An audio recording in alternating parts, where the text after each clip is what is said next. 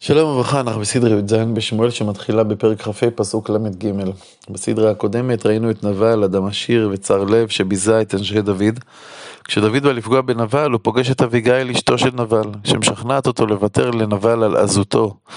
נפתח בפסוק שסיים את הסדרה הקודמת. ויאמר דוד לאביגיל, ברוך אדוני אלוהי ישראל אשר שלחך היום הזה לקראתי. וברוך טעמך וברוכה את, אשר חיליתיני היום הזה מבוא בדמים והושע ידי לי. כלומר דוד מודה לאביגיל שעזרה לו להימנע מלשפוך את דמו של נבל. זה כמובן עומד בניגוד לברכה שברך שאול את אנשי זיף, ברוכים אתם להשם, כשאלה באו לעזור לו לשפוך את דמו של דוד. ולעם חי אדוני אלוהי ישראל ממשיך דוד, אשר מנעני מהרה אותך. כלומר, אומר דוד, ברוך השם שמנע אותי באמצעותך, שאת שליחתו, להרע לבני ביתך, שהרי כילולי מהרת ותבות לקראתי, כי אם נותר לנבל עד אור הבוקר משתין בקיר, אם לא היית מגיעה מהר, הייתי הורג את כל הגברים בבית אה, נבל. ויקח דוד מידה את אשר הביאה לו. ולה אמר עלי לשלום לביתך, ראי שמעתי בקולך ואשא פנייך, כלומר, ואכבד אותך. לאחר שהדרמה הזאת מתחוללת, אביגיל חזרה לביתה ומגלה את בעלה במצב אופייני. ותבוא אביגיל אל נבל, והנה לא משתה בביתו כמשתה המלך, ולב נבל טוב עליו, והוא שיכור עד מאוד, ולא הגידה לו דבר קטון וגדול עד אור הבוקר. ויהי בבוקר, בצאת היין מנבל, ותגד לו אשתו את הדברים האלה, ויעמות ליבו בקרבו, והוא היה לאבן. באופן הפשוט, כשנבל מגלה על ידי אשתו את, אה, את אה, כך שדוד עמד להרוג אותו, אז הוא, הוא מת מפחד, ליבו מת בקרבו. אולם הפרשנים אומרים שליבו מת מקרבו כשהוא שמע שאביגיל נתנה את האוכל לדוד, וזה היה בשל קמצנותו. נמשיך, וירא כעשרת הימים, ויגוף אדוני את נבל, וימות. כלומר, נפטר, לבן, נבל נפטר אחרי עשרה ימים, מה הם אותם עשרה ימים? אז חז"ל אומרים שהיו אלה עשרת ימי תשובה, שחיכו לתשובתו של נבל, אולם נבל לא לקח אל ליבו דבר, ועל כן הקדוש ברוך הוא הרג אותו במחלה. וישמע דוד כי מת נבל, ויאמר ברוך אדוני אשר רב את ריב חרפתי מיד נבל, ואת עבדו חסך מרעה, ואת רעת נבל השיב אדוני בראשו. כלומר דוד מודה, שהש... מודה להשם שלקח את נקמתו מנבל, אבל, אבל לא הצריך את אה, דוד להרוג אותו. יש לציין שדוד חי מתוך תחושה של דיבור אלוקי איתו, של השגחה צמודה של הקדוש ברוך הוא. מילא הוא חש שמותו של נבל אה, היא בעצם אמירה אלוקית. גם העובדה שאביגיל הצליחה להציל אותו משפיכת דם, בכך שהיא מתנה את רוגזו, בכך שהיא העלימה תכונה שיכלה להפילו, אה, גם הנקודה הזאת היא נקודה משמעותית לדוד, ולכן, וישלח דוד וידבר באביגיל, לקחתה לו לאישה. כלומר, דוד חש שאלוקים צועק לו באוזניו, שלחתי לך עכשיו עזר כנגדך. ואכן, ויבואו עבדי דוד אל אביגיל הכרמלה, וידברו אליה לאמור, דוד שלחנו אלייך, לקחתך לו לאישה.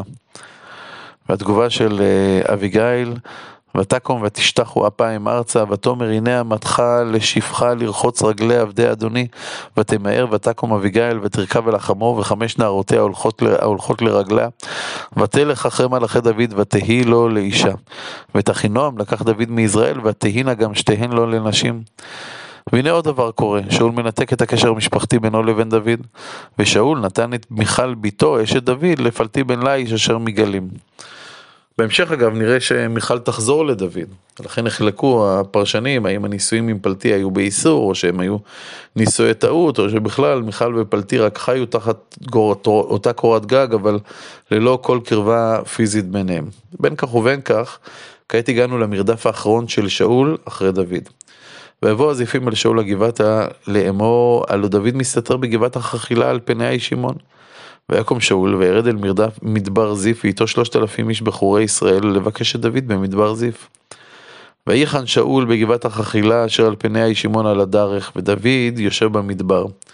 וירא שאול אחריו במדבר.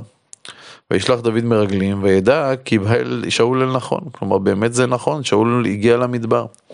עכשיו לדוד יש מידע על המיקום של שאול, הדבר הכי הגיוני שיקרה הוא שדוד ירים רגליים וימלט למקום הכי רחוק שאפשר. אבל דוד עושה בדיוק את המהלך ההפוך. ויקום דוד ויצא למקום אשר חנה שם שאול. במקום לברוח הוא מתקרב לשאול. וירא דוד את המקום אשר, אשר שכב שם שאול, ואבנר בן נר שר צבעו, ושאול שוכב במעגל ועם חונים סביבותיו. מדוע דוד חזר עכשיו למקום של שאול? אה, לא, לא ברור. חז"ל אומרים שבפעם הקודמת במערה אומר אבנר לשאול, דוד לא יכול לפגוע בך, כי אם הוא היה עושה זאת הוא לא היה יוצא חי מהמערה. ודוד אולי רוצה לעשות מעשה שיהיה חד משמעי. דוד רוצה ששאול ידע שהוא לא רוצה במותו, שלא יהיה בליבו של המלך שאול על דוד.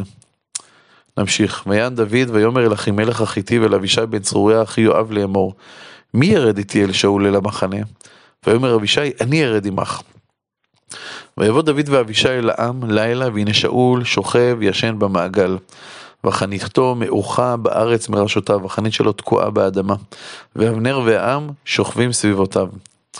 אבישי מבין אה, שדוד יורד אל המחנה על מנת להרוג את שאול, שהרי איזה סיבה נוספת יש לו לירידה למחנה.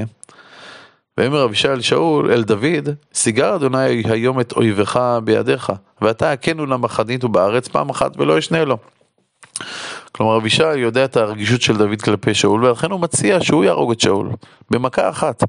אבל שאול, שאול דוד עונה ויאמר דוד אל אבישי אל תשחיתהו, אל תהרוג אותו כי מי שלח ידו במשיח אדוני וניקה.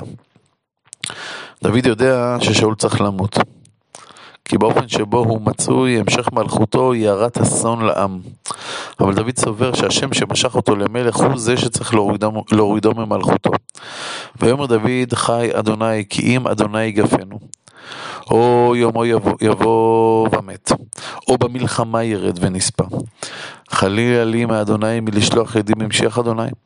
ואתה קח נא את החנית אשר מראשותיו וצפחת המית ונלכה לנו.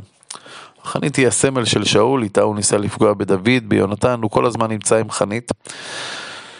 אבל בכל אופן, ולכן דוד רוצה לקחת את החנית ממנו, אבל למרות שדוד ביקש את זה מאבישי שיקח את החנית של שאול, הוא כנראה חושש שאבישי לא יעמוד ביצרו ויהרוג את שאול, ולכן זה בסופו של דבר דוד בעצמו יורד ולוקח את חניתו של שאול וצפח את המים. ויקח דוד את חנית וצפח את המים מראשותי שאול, מראשות תה שאול וילכו להם.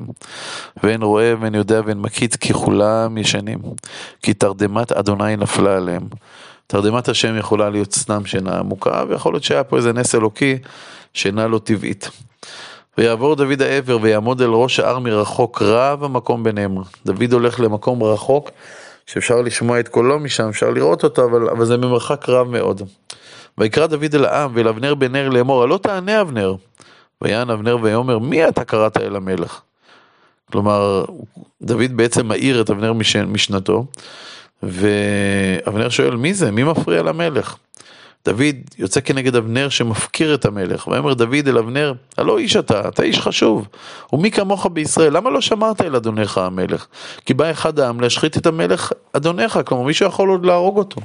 לא טוב הדבר הזה אשר עשית, חי אדוני, כי בני מוות אתם, אשר לא שמרתם על אדוניכם, על משיח אדוני. ואתה ראה, היכן את המלך ואת ספחת המים אשר מרשותיו. כלומר חייו של המלך אינם דבר קל כמו שנראה מהתנהגותכם, אומר דוד לאבנר. ויכר שאול את קול דוד ויאמר, הקולך זה בני דוד? ויאמר דוד, קולי אדוני המלך. ויאמר, למה זה אדוני רודף אחרי עבדו? כי מה עשיתי? מה בידי רעה?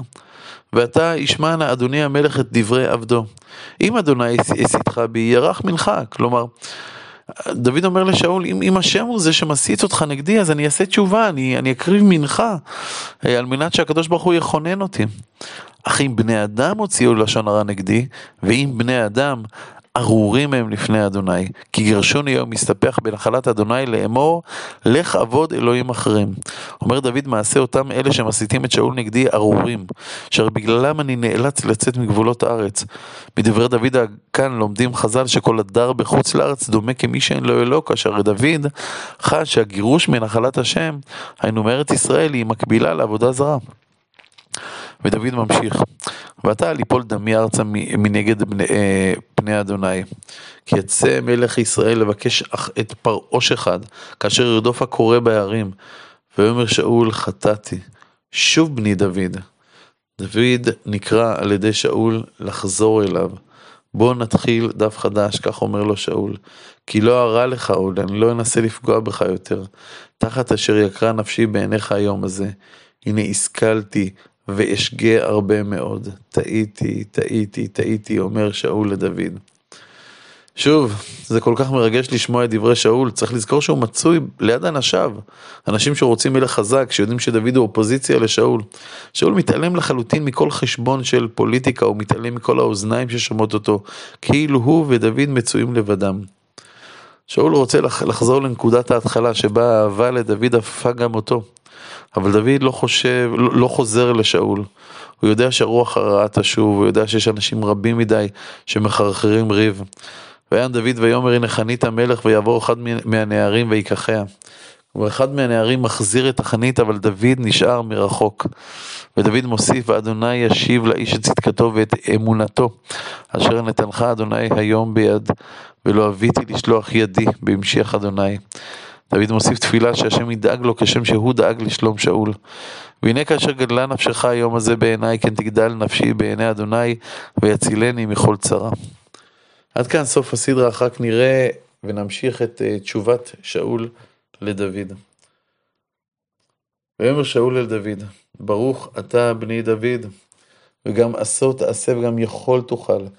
וילך דוד לדרכו, ושאול שב למקומו. זהו, זה המפגש האחרון שלהם. בשעון החול של חיי שאול נותרו רק גרגרים מועטים. עליות ומורדות עברו על שאול ודוד, אבל ההתייחסות האחרונה בחייו של שאול אל דוד הייתה, ברוך אתה בני דוד. אמן.